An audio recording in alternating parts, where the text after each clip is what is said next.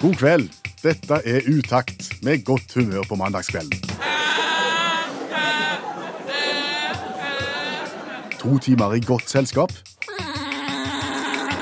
Med variert musikk. Mikko rev, satt skrev, bæbæ lille lam. Per Øystein Kvindesland.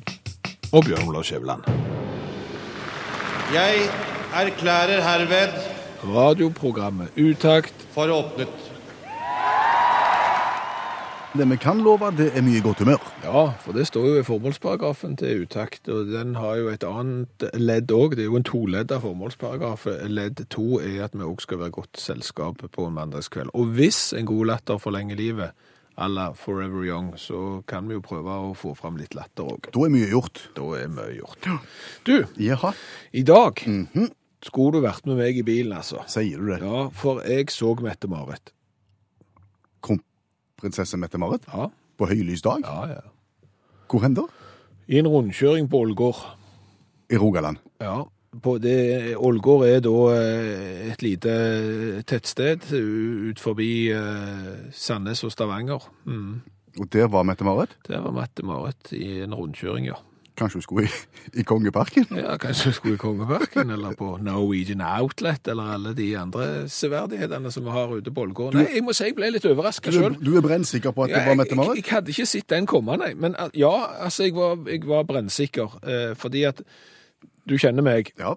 Jeg er ganske dårlig på å huske navn. Kjempedårlig på å huske navn, faktisk. Men hvis jeg har truffet noen før, Da er du en raser til å kjenne det igjen. ja, og jeg har òg en veldig sånn en, til å ta kjendiser, kjenne de igjen. Altså Selv om de har dekket seg til med solbriller og hatt, så ser jeg bak den der kamuflasjen, og så ser jeg at der er han kjendisen der, og så kan jeg gå bort og håndhilse, og så har jeg kontroll på kjendisene. Så, så jeg har akkurat det der genet der har jeg intakt. Hadde Mette-Marit kledd seg øh, altså, en, en, en eller annen form for forkledning? Nei, nei. Hun, hun var bare seg sjøl. Helt vanlige Mette-Marit. Alene i bilen? Alene i bilen, ja. Hva for en bil? En polo. En Polo. Ja, men en sånn en polo, sånn, sånn litt høy polo, sånn cross-polo, sant? Altså, som liksom skal se ut som en mye barskere enn en annen polo. For poloer er jo litt grann slakke som kjøretøy. De er jo litt slakke som klesplagg òg, Ja. og, og som idrett. Og. Ja, altså polo er jo sånn der du sitter og spiller innebandy høyt oppe på en hest med litt lange køller ute. Innebandy ute. Ja. Snakker vi oss vekk nå? Nå snakker vi oss vekk, eh, og det er jo altså min Mette-Marit-opplevelse i dag, og jeg må si jeg ble ganske overraska. Altså, jeg er ikke sikker på at du snakker sant. For uh, Maren var i Stortinget. Ja, og sviger, svigerfaren òg. Ja. Det, det var, det, jeg tror ikke det er dagen for å være på Hva da det for?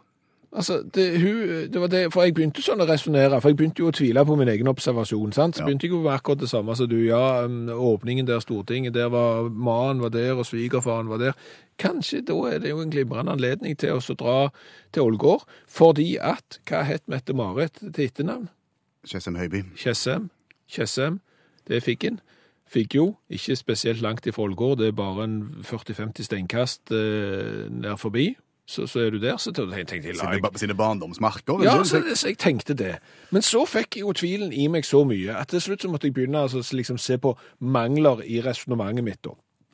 Og, og, og OK, hun er ikke så veldig langt ifra si- sin, sin barndomsbygd, så det talte jo for at hun skulle være der.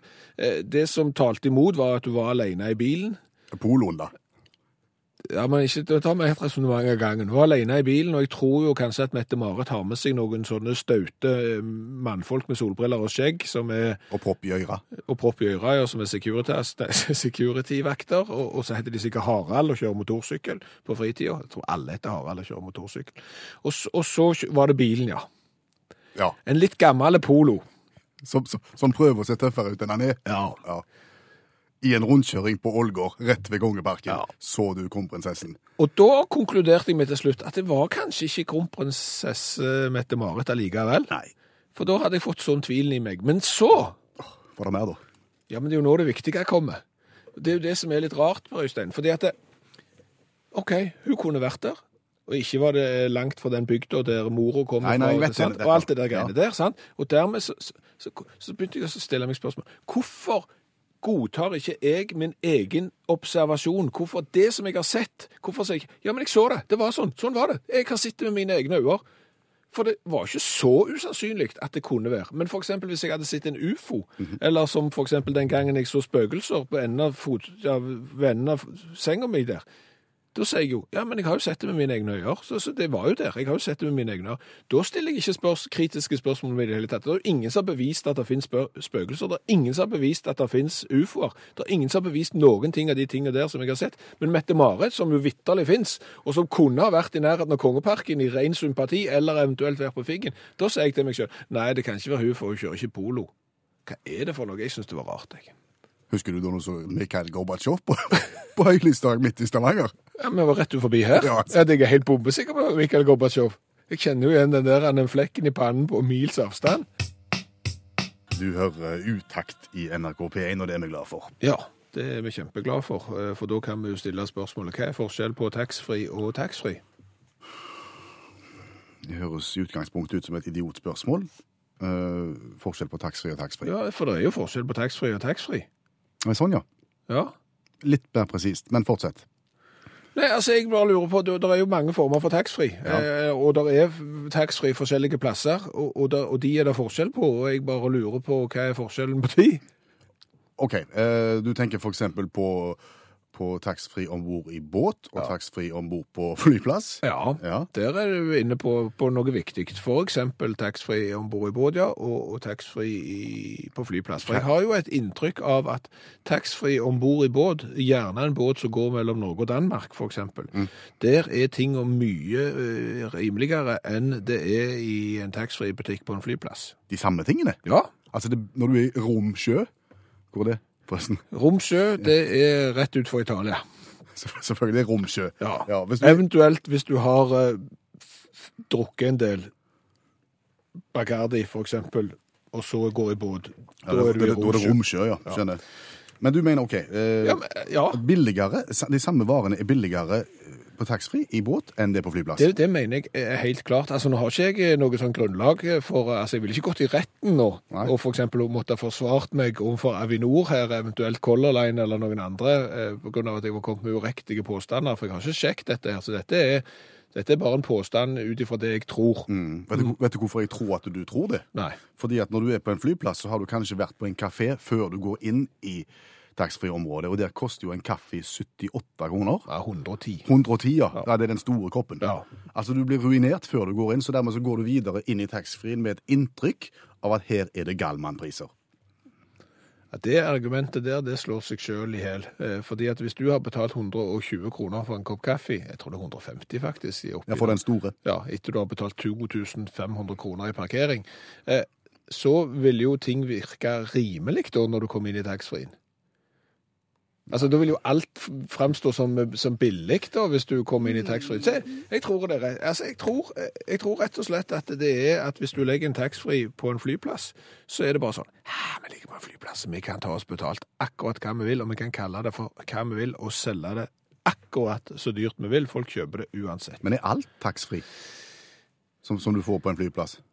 Ja, det er jo òg et, et rart spørsmål. fordi at jeg, jeg kjøper ikke mye på taxfree, for jeg syns det er så dyrt. På Så- flyplass? Ja, eh, så jeg kjøper heller da eventuelt på taxfree på båt, eventuelt bare i den vanlige eh, landhandelen hjemme. Eh, Men én ting kjøper jeg, og det er sånn deodorant. På flyplass? Ja, Jaha. og, og da har jeg jo funnet ut til min store overraskelse. For jeg går i da en sånn greie så de har ta tre, betal for to. Ja. Og det føler jeg at de, det tilbudet har de bare på flyplasser, sånne deodoranter. Så kjøper jeg tre, og så betaler jeg for to, og så reiser jeg på tur.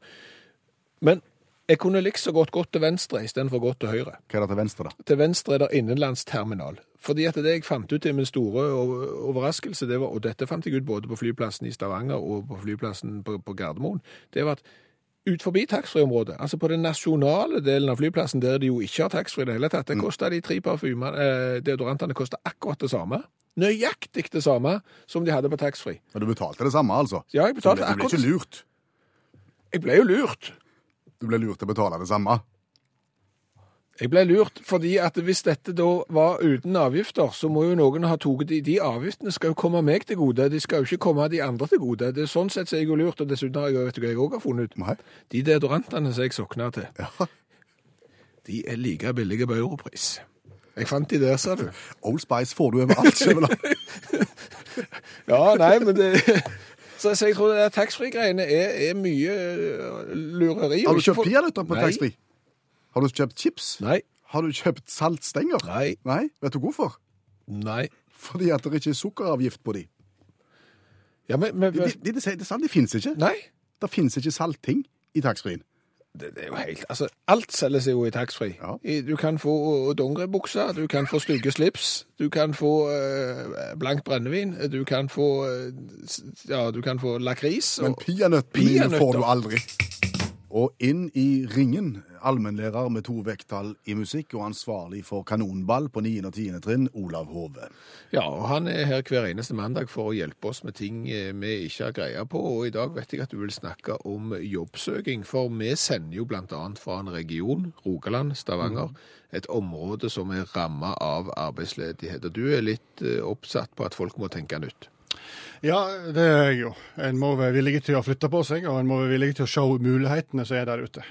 For Folk må begynne å tenke på nemnder og slike ting, tenker jeg da. For Det finnes så mye kjekke statlige oppnevnte nemnder, så jeg føler kanskje folk må begynne å ta tak i. Som kan være et alternativ til jobb. Ja, det, ja altså for det er jo ikke full jobb, liksom. Det er det jo ikke, men det, men det, er, jo, det er jo godt betalt for det. Fordi at eh, hvis du sitter i ei statlig nemnd, så har du 1182 kroner i timen.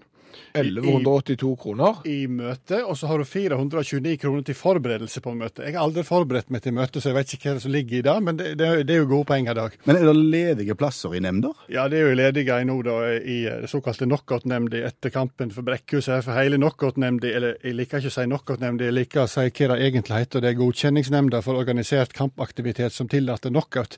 Alle de trekte seg jo pga. kampen til Brekkhus, så nå er det seks ledige plasser der. Um, for de som ønsker. OK, eh, så er du arbeidsledig, søk om plass i knockout-nemnda. Eh, men men det, det, du blir jo ikke rik av å bare sitte der. Du må vel gjerne ha andre nemnder så du kan òg sitte i hvis det skal bli et, et heldagsjobb av det. Ja da, det året er litt å velge i. Det er jo 320 stykker her vi har framfor oss. Eh, 320 statlige nemnder. Ja, eh, som du kan, eh, du kan boltre deg i. Eh, og det er klart, for, for, eh, for den utrente, det utrente øyet da, så er det fort å gå på en del miner. Så derfor tenkte jeg skulle gi dere en liten veiledning her, eh, ut fra mitt forgodtbefinnende. Eh, for det er en del feller å gå i. Eh, annet hvis du skal inn i styre og sånne ting. Det er ganske mange styre, nemndene som blir kalt for styre. Masse ansvar. Hold dere vekke fra det. Klagenemnd. Masse ansvar. Krangling og sånne ting. som klagenemnda for Statens lånekasse. Da blir det krangling med studenter. Hold dere vekke, da. Så da må vi satse på de ulne tingene, som kontrollutvalg. Det er fint. Beregningsutvalg. mhm, Råd. Og skjønnsnemnd. Det er fint. Alt sånt vi holder oss til. F.eks. Kommunal- og moderniseringsdepartementet de har skjønnsnemnd etter inndelingsloven. Der er det plass. Det er plass. Og hvis du sitter i skjønnsnemnda etter inndelingsloven, så kan du bare gi blaffen. Sett din pris, fordi at eh, hvis, du, hvis det går skeis der, så er det jo nevnt til som heter overskjønnsnemnda etter inndelingsloven. Sånn at du står fullstendig fritt. Ok, Så hvis du gjør en dårlig jobb til 1182 kroner timen, så betyr det ingenting? Nei, for da har du overskjønnsnemnd som kan eh, ta det over. Nydelig. Ja, Kulturdepartementet, samme gjeng som har knockout-nemnd, de har en del kjekke ting. Eh, Bunad- og folkedraktrådet, f.eks. Eh, det er typisk ullen nemnd. Hva i all verden skal du drive på med der? Jeg prøvde å finne ut litt hva de driver med, og da står det som overskrift Kulturarv er ingen eksakt og uomskiftelig storleik. Og da tenkte jeg akkurat Ja, men da er det greit. Så jeg vet ikke hva de gjør, om de overvåker 17. mai-tog og går inn direkte til folk som ikke har pussa sølv. Jeg vet ikke. Men, men høres ut som en forholdsvis enkel jobb. Som jeg vil an, an, anbefale. Styret for eh, praktisk-teologiske seminar òg vil jeg anbefale. Det kan ikke være så vanskelig. Litt vann, litt vin og noen stoler, så tror jeg vi har det gående. Eh, Og gjentar 1182 kroner timen. 1182. Ja, eh, Klima- og miljødepartementet har en del ting. Og der er de ulne tingene. Sikkerhetsvalget for produk produktregister og de terminaltilknyttede brukere. Såpass ullent at hvem som helst kan ta jobb der. Nå sa du det så fort at du nesten må gjenta det en gang. Sikkerhetsutvalget for produktregister og de terminaltilknyttede brukere. Det er jo 400 kroner bare å uttale navnet på komiteen. Så det er såpass ullent at hvem som helst kan ta det. Overvannsutvalget er òg i samme departement. Overvannsutvalget? Ja. De skal utrede konsekvensen av økt mengde overvann i norske byer. Mer vannskade, tenker jeg sånn, eh, uten at jeg har lønn for det. Men for de som har det, vil vel antageligvis Er det rådet ledet av Jostein Flo? Så er det ett drømme, en drømmekomité og en drømmenemnd som jeg gjerne vil ha for meg sjøl. Så hvis du får tilbudet der, så ring meg, og ikke ta imot den. Det er Helsedepartementet som slår til med nemnd for prøving av Vinmonopolets eh, beslutninger om innkjøp. Rett og slett drikking til 1200 kroner timen.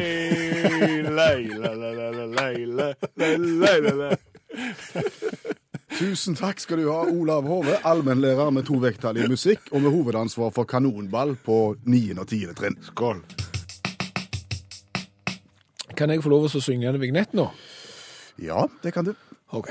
Er det større enn en fyrstikkeske?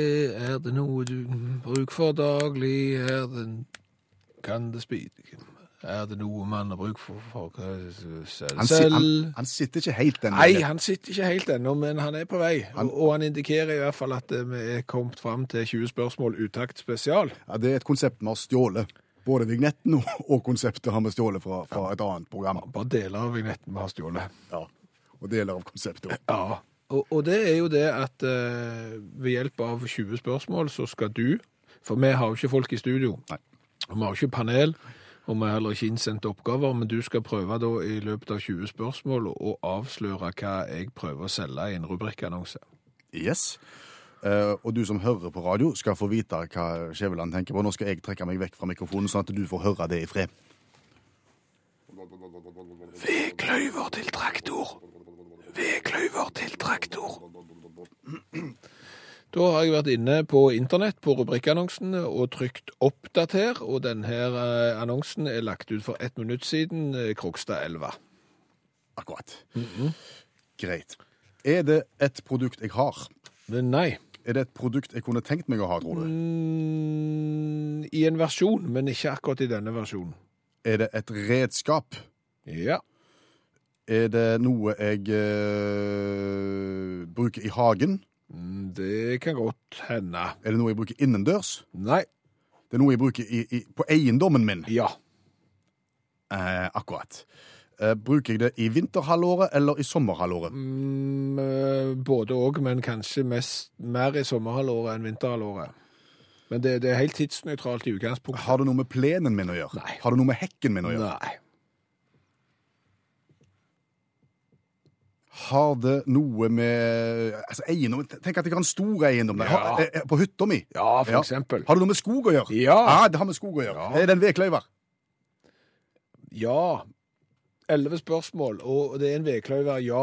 Men det er en eh, spesiell vedkløyver. Ja, han er ikke så spesiell, men, men du kan si han blir jo da drevet på en litt annen måte enn den vedkløyveren du eventuelt ville kjøpt. Ja vel, for det er ikke, den går altså ikke på strøm. Nei. Det går, er det- er det en volds... Er, er han stort format? Ja, altså, Går han på diesel? Han går ja, indirekte på diesel. Han går indirekte. Ja. Altså, Da er det én maskin som går på diesel, som går vid, som, så det går en ledning inn i veikløveren min. ja hva, hva, hva, Et aggregat? Nei, det er ikke det. Nei. Altså, hva, hva tror du kan drive denne veikløveren her? Altså, det er en veikløver til som, som blir drevet av, Av en traktor? Riktig det, vet du. Vedkløyver til traktor, 3000 kroner, 13 spørsmål. Hæ? Det var ikke så verst, egentlig. Det var veldig bra, altså. Ja. Hvor mye kosta den? 3000. Vi skal snakke om eh, klassisk litteratur. Eh, de store klassikerne innenfor litteraturhistorien som du burde ha lest. Som du bør og egentlig skal ha, ha lest eh, hvis du har lyst til å framstå som inklekk, inklek... In, inklek Som smarte. Som smarte, ja. Eh, Men så har du ikke fått lest de, eh, fordi at sant, nei, det ble ikke tid, og så er de gjerne litt kjedelige, og noen er jo kjempetjukke òg i tillegg. Så da eh, får du ikke lest de. Nei. Så derfor har vi lansert et splitter nytt tilbud i dette programmet her, der vi lærer deg de viktigste av disse klassikerne her på et par-tre minutter. Sånn at du har med deg det du trenger for å framstå som, inklek... ink- som smarte Som smart, ja. i, i eh, ymse miljøer. Men vi klarer jo ikke dette alene. Nei, vi gjør ikke det. Vi har fått med oss Janne Stigen, Stigen Drangsholt. Som er forfatter og litteraturviter, og her er dagens verk.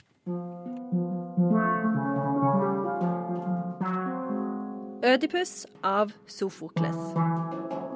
Ødipus er en tragedie som er skrevet 429 før Kristus, og som springer ut av en profeti som går på at Ødipus kommer til å gifte seg med mora si og drepe faren sin. Det er jo det som skjer. Alle dør, Ødipus stikker ut øynene sine og vandrer ut i ødemarka. Slutt. Det høres ut som eh, forfatteren har hatt et kompleks. Det kan jo være et Ødipus-kompleks ute og går. Og det er jo Der eh, er vi jo òg inne på hvem blir imponert av dette stykket. Det er jo særlig psykologer og psykiatere og freudianere. Så i møte med disse typer mennesker så bør du fortelle og vise at du har lest Ødipus. Ja, og det som er så fint med Ødipus-komplekset, det er at det, det oppsummerer jo hele handlingen. For Ødipus-komplekset er jo at du eh, Altså, det er jo Freuds teori om at eh, gutter er sjalu på faren sin og vil gifte seg med mora si. Eller ha seg med mora, i hvert fall, om ikke gifte seg. Oh. Eh, så så det, der har du jo oppsummert hele handlingen i stykket òg. Og eh, her er det òg et ganske sånn greit sitat å huske, og det er dette. Hin synder er deg selv, du smittet dette land. Og det som ligger i det sitatet, det er at det er for Ødipus Han ble jo konge, og så blir det pest i landet, ingenting vokser, alle har det fælt. Og så blir Ødipus sånn Ja, vi må finne ut hvem som har gjort dette. Det er sikkert noen som har gjort noe sånn at gudene har blitt sinte. Vi skal finne synderen. Og så vet han jo ikke at det er han sjøl. For da har han allerede drept faren og gifta seg med mora. Og så får han jo vite dette midtveis i stykket, og da blir det bare ganske dårlig stemning. høres ut som en godtepose av en familie og en skrekk og gru av et juleselskap. Eh, 429 før Kristus. En mann eh, dreper faren sin for å eh, bli sammen med mor si, både fysisk og psykisk. Og det blir ikke kjekt i juleselskapet. Tusen takk, Janne Stigen Dragsholt, forfatter, litteraturviter, hjelpetrener i friidrett og medlem av FAU.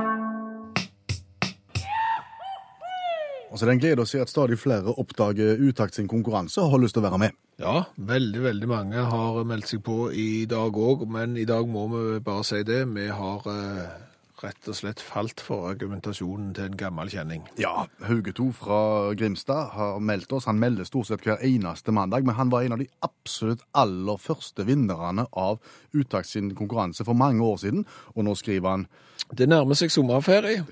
nå ja, 3. oktober. Ja, og den går til Island i år òg. Og siden utreise-T-skjorta med V-hals, som jeg alltid bruker når jeg skal ut på tur, er meget godt brukt, og nå kan pensjoneres til glass og ramme, så trenger jeg å være med i konkurransen igjen. Vi falt for den, Hauge 2. God kveld. God kveld, god kveld, god aften, god aften, som det heter så fint. Ja, Er alt vel i Sørlandets perle, som du sier, Grimstad? Ja, Ja. det er det. Stilt og fredelig, lite vind. Så, så utakt-T-skjorta har fått eh, brynt seg i alle disse år. Den er godt brukt, og den har høsta mye eh, smil og jubel. Det, det er rørende å høre. Det er såpass rørende at jeg tror bare vi skal ture i gang med konkurransen, Skjøveland, og bare ta reglementet veldig fort. Jeg vet at Hauge 2 kan det, men hvis det er folk der ute som ikke kan det Ja, hvis dere nå lurer på hva det er nå han egentlig skal få brynt seg på, Hauge 2, så er det elleve spørrebøker som ligger foran meg. Så velger vi et nummer fra 1 til 11. Vi plukker et vilkårlig spørsmål. Svarer Hauge 2 rett, så får han gladjodling. Svarer han feil, så blir det tristjodling. Men uansett så skal han få gå på Island, i Reykjavik og på andre plasser på Island og kose seg i den svarte utakt-T-skjorta med V-hals. Plukk ei bok fra 1 til 11, Hauge 2. er det mørkt på det her, så jeg begynner på nummer én. Helt på begynnelsen. Se mørkt på det. Det er da 1000 spørsmål fra Norsk Ukeblad påsken 2016. Og der er det 63 sider. Da ble det side 11. Og da blar vi til den, og det er sport. Kan det passe? Nei, Nei. Da er det 20 spørsmål om sport. Hvilket skal vi ta? da ble det nummer én. Nummer én. Hvilken norsk håndballklubb har per 2015 flest seriemesterskap i Norge på kvinnesiden? Eh, er det noe som heter Tertnes? Det er noe som heter Tertnes, ja. Det er òg noe som heter Byåsen, det er òg noe som heter Bekkelaget. Det er mange navn, men uh, hva for et lag er det som har flest seriemesterskap i Norge på kvinnesiden? Har du nevnt den nå? Byåsen? Nei, jeg har ikke nevnt den. Du skal lenger østover fra, fra Grimstad, men du er ikke så langt ifra. Altså, du, du klarer- Larvik, da. Larvik. Kjempefint, Hauge 2. Ja, Det håndball har du greie på, det hører vi. Ja visst. Men Larvik har vel ikke tapt på hjemmebane, tror jeg, siden 1894 eller et eller annet sånt. Siden freden i Brømsebro. Ja, der omkring. Nei, men det her er jo en alle tiders start, det. Ti spørrebøker igjen. Elleve. Elleve. Den siste. Ja, den siste, ja. Den, i bånn av bunken? Den i bånn av bunken, som er da Kåre Kapps nye spørrebok fra 1987. Der er det òg 63 sider. Ja, da blir vel side 22 i den òg, da. Vi går oppover, og da er det kommet Norsk, norske, den norske, heter det temaet der, og er 20 spørsmål. Ja, var ikke spørsmål nummer én greit, da? Jo, det kan godt hende. Når tror du? Det er fint. Det er spørsmål du strengt tatt ikke kan svare feil på. Spørsmålet når tror du Norsk Aeroklubb altså, Norsk Aeroklubb ble stiftet? Når tror du Norsk Aeroklubb ble stiftet? Det er noe jeg tror det blir. Uh, ja, Norsk Aeroklubb. De må vel ha vært da i eh, 72, tenker jeg. Oi! Ja, men altså, hva du tror? eh, Altså, Hvis du tror det er 72, så er jo det rett. Altså, det kan jo ikke med Hvis du tror på det, så Men hva sier Kåre Kapp? Ja, hva, så, hva sier 1928. Oi. Fasiten er 1928, så svaret var jo sånn sett helt feil, men det var jo helt rett. For det er når tror du Norsk Aeroklubb ble stiftet? Fiffige spørsmålsstilling. Da var det to av to, Hauge to. Det er en kjempe Det går unna. Ja. Det går nok veien her, skal du se. Ja, ja, men- Da ble det nummer, nummer fem. Nummer fem. Da skal du midt i bunker. fire, fem. Det er da feriequiz, og det passer jo siden du skal til Island, og siden det snart er sommerferie. Og der har vi 208 sider. Da ble det 208. Siste side. Musikk. Passer det. Ti spørsmål om musikk. Ja, spørsmål nummer én. Vi har god erfaring med det nå. Ja. Var det DDE som hadde en hit med Harry i 1990? Nei, det var ikke det, sa du. Nei. Hvem- Hvem var det? CC Cowboys. Ja. Jo, det er dobbeltrett. Ja. Dette er forbilledlig. Dette kan du, Hauge 2. Nå er mange år siden sist, men nok en gang så bare gjør du det. ja. Best når det gjelder jeg, jeg, jeg tror nok Sjukta får en liten utflukt før vi skal til Island, og det blir en tur på jakt. Å ja, men det, det Utaxi-T-skjorta er bra under sånn kamuflasjejakke og sånn en grun, grønn ryggsekk. Og, og, hvorfor har dere oransje huer på dere og så kamuflasje resten når dere er på jakt? Ingen skal se oss, bortsett fra at de må se oss. Ja. Godt spørsmål. Ja, hun, skal ikke, hun skal ikke brukes til noe annet enn eh, utreise. Den er på når vi reiser ut, og så skal den av for å eventuelt ta godt vare på. Og snart så runder vi 100, Skjæveland. Ja, vi gjør det, og vi snakker colaer. Forskjellige typer colaer som vi har smakt på i Utakt-programmet. Antageligvis er vi det radioprogrammet i verden som har smakt på mm, flest typer cola fra hele verden. Jo, jo, jo, jeg, det høres utrolig tøft ut, og det er jo stilig, men det er jo ikke derfor. Det er jo ikke for at vi liksom skal kunne si til folk at å, så tøft, vi har smakt på 100 colaer, men det er ikke derfor vi gjør det. Vi gjør det for deg som hører på. For du skal ut og reise kanskje, og du trenger å vite hvilken colavariant du skal handle der ute i verden. For det er en jungel, det skal du vite. Men samtidig så er det gyselig tøft å si at du har smak på 100. Da. Det, det, Og så er det så gøy, for det, fordi at det kommer pakker i posten til oss, stadig vekk, veldig godt emballert, og, og, og, og, teip og greier rundt, og så åpner vi, oss i er det nye spennende varianter. Anja har vært flinke. Anja som bor på Notodden, hun har sendt oss i flere omganger, og det kom en ny pakke fra Anja her en dagen. Eh, hun skriver annet i brevet Jeg har vært på to interkommunale turer siden sist. Har vært både i Tyskland, på Nürburgring og i Litauen. Der var det heller skralt med cola. Svært få butikker som solgte noe annet enn vanlig Coca-Cola. Men jeg fant én boks der. Og det er vel den vi sitter med? Det er den vi sitter med. Det er en OK Cola. Eh, Den er kjøpt av Nürburg Ring, som jo er den der der du kan kjøre fulle, fulle, fulle, fulle, fulle fart med bil. Eh, Han er ikke tysk, han er produsert i Østerrike. OK Cola, får jeg se litt på den. Ja. Den er da eh, smalere i sylinderen enn en vanlig colaboks, og litt høyere. Den er svart, og så står det OK med et rart utropstegn etterpå. ja. Og den er 250 milliliter, så den er litt mindre enn en vanlig konvensjonelle colaboks. Og det er nok fordi at de som produserer OK, de produserer ikke bare cola, de produserer da det er energidrikk. Ah. Så, så det, du kan få liksom eh, med wildberries og, og eh, du kan få St. Pauli-versjonen, som er til fotballaget St. Pauli og sånn, og, men det er liksom energidrikk da. Og vi må, må jo si der, da blir vi bitte litt skeptiske, for vi har prøvd sånne colaer som skal være energidrikk eh, tidligere. Og det har vært katastrofe. Det har vært sett. katastrofe. Ja. Men vi går løs på denne med pågangsmot og Ja da. spissa smaksløker og Og gjør som vi alltid gjør. Vi smaker på iskald variant av OK Cola. Så gir vi først karakter 1 til 10 for smak, og så tar vi for oss designet på boksen etterpå. vær så god. Tusen takk. Osterreicher, Hirich Jeg kan ikke tysk. Coca, nei, OK Cola.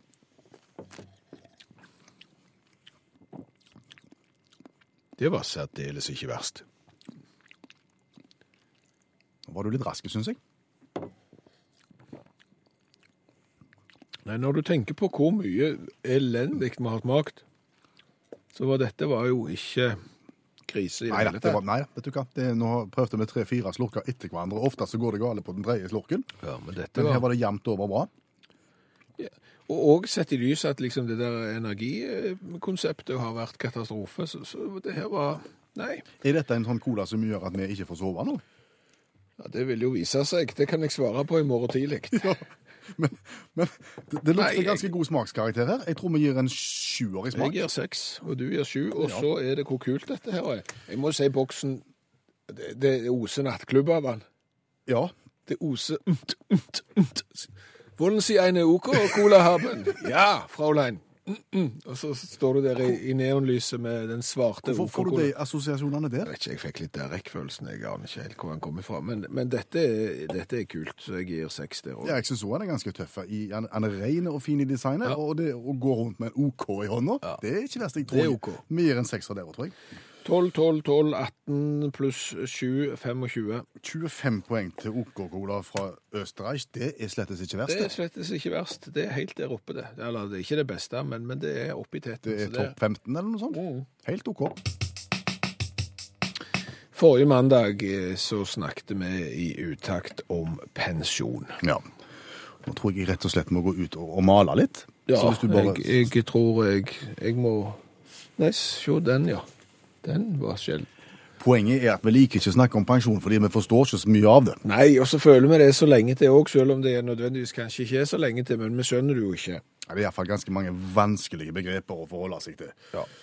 Men det vi konkluderte forrige mandag, er jo det at eh, det er lurt å spare litt til pensjonen din. Og du kan spare i, banken, og du kan eventuelt spare i fond, og du kan spre risikoen litt i disse fondene. Ja, og det var vel da vi konkluderte med at eh, hvis vi skulle få pengene til yngla når vi ble pensjonister, så måtte vi sette det inn i et fond som folk ikke hadde tro på, men som vi hadde tro på kom til å ta av, og det ble da kassettavgiftsfondet. Ja, vi valgte å sette pensjonspengene i kassettavgiftsfondet med en begrunnelse.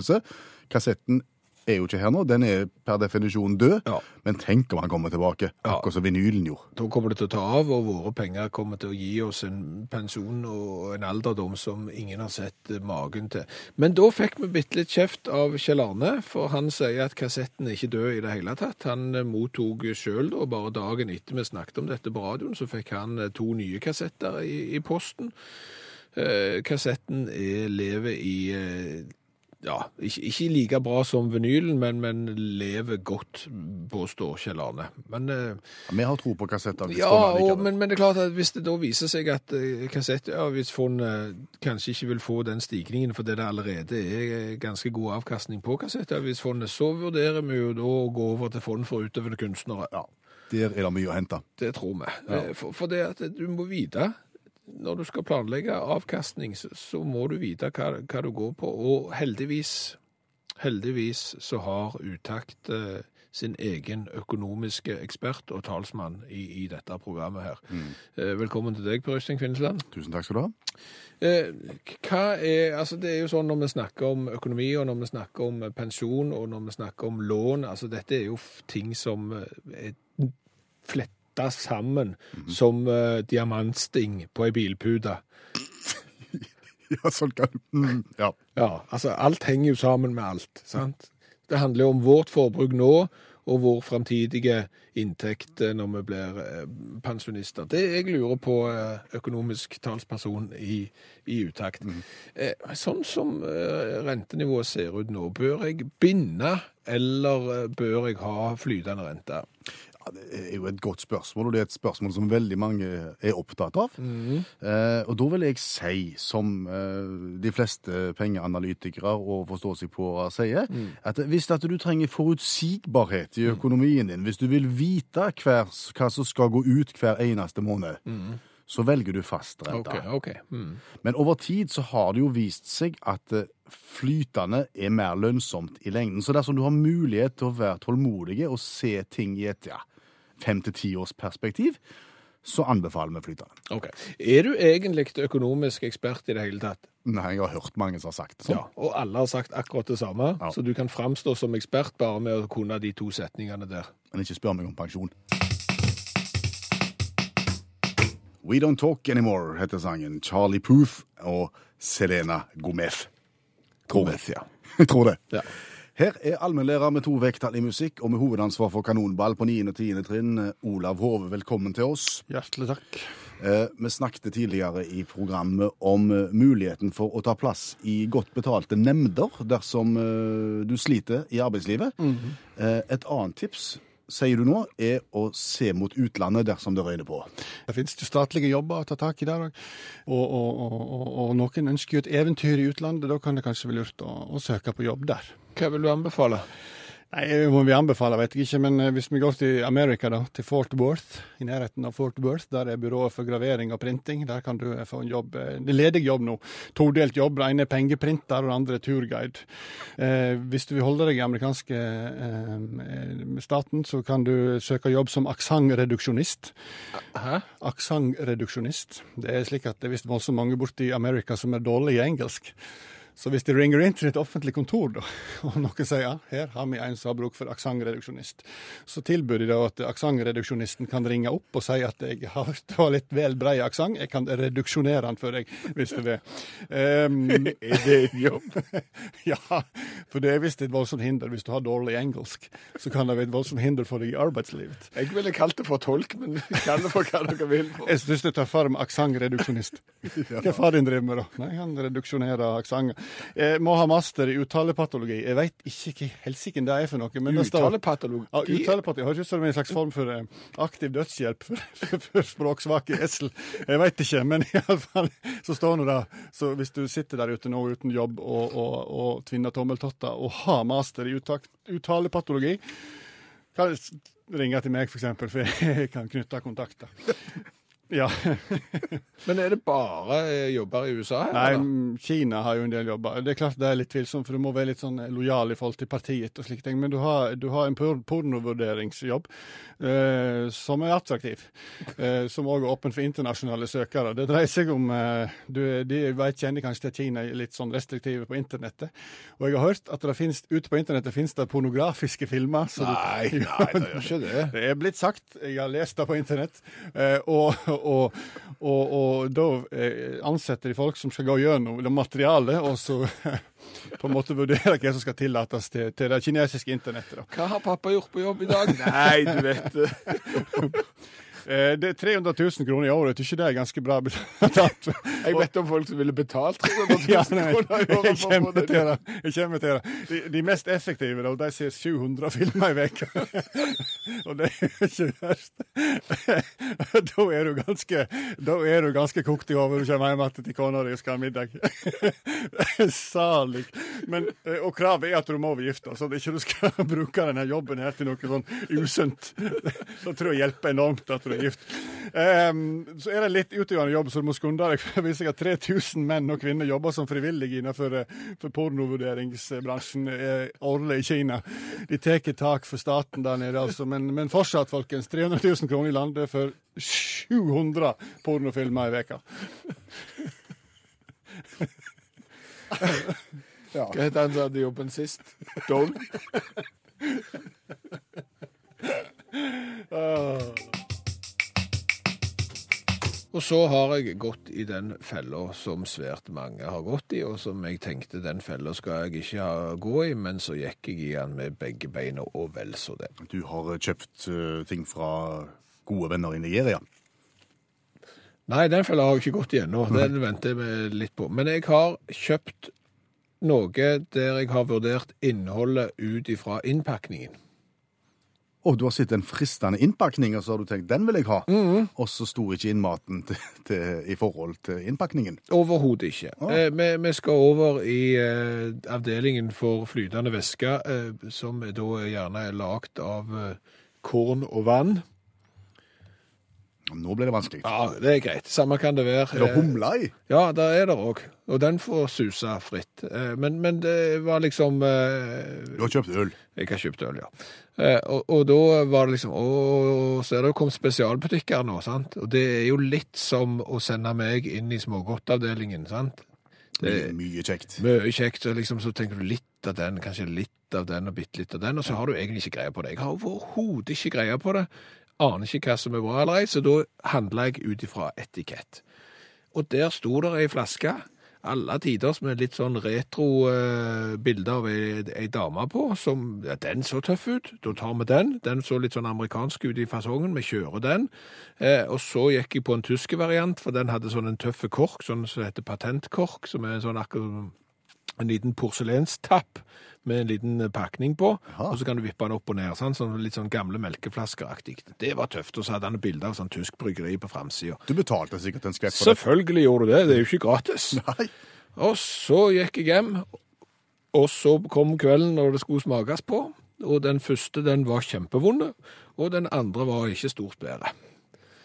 Hva tenkte du da? Da tenkte jeg at nå har jeg gått i den samme fella som jeg egentlig har advart folk om å gå i før, at du må vite hva du driver på med. For hvis du har et dårlig produkt, så er ofte den beste måten å selge på, det er å kamuflere det i et, eh, en god innpakning. Jeg tror gjelder våre tyske venner som har, har, har brygga dette hølet, har smakt på dette og, og, og tenkt med seg sjøl, vet du hva? Her har vi ikke truffet. Ja, her var vi ikke heldige. Nei, så ikke- nå må vi kompensere med kork. Jo, men kan vi ta en, kjøre en sånn en porselensdings med metall på? Ja, selvfølgelig har de tenkt det. Altså, De har smakt på det, sant? og så har de sett bortover der. Hvor mange flasker har vi egentlig av dette her? Såpass, ja. Ja, det gjør seg ikke sjøl. Dette må vi bli kvitt. Dette skal vi ikke brenne inne med. Og så må du gjøre det. Og Jeg tror det er den samme mekanismen som gjelder på, på mange områder. Der, er- enten det gjelder klesplagg eller andre matvarer eller biler. Det gjelder godt. Du, du begynte i godteributikken. Ja. Der er det jo lett å bli frista av litt sånne lange ting med mye farge på. Å ja, de er gode, de. Utakt leser høyt fra boka 'Norges morsomste vitser'. De beste vitsene fra NM i humor. Minneord.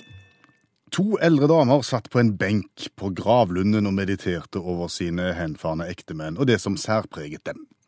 Etter å ha sludret om dette en stund, sa den ene. Åh, han var så snill og god, mannen min. Men han var ingen helteskikkelse. Tvert imot så var han liten og satt. Den andre tenkte seg om en liten stund, og så sa hun. Han var ikke akkurat noen kjempemin heller. Dessuten lå han for det meste. Ja, sa den første og sukket. Mannen min ble impotent på slutten, sa han. Den andre så på henne med store øyne, og så kom det. Du verden, er det finere enn disponent? Du har hørt Utakt lese høyt fra boka 'Norges morsomste vitser'. De beste vitsene fra NM i humor.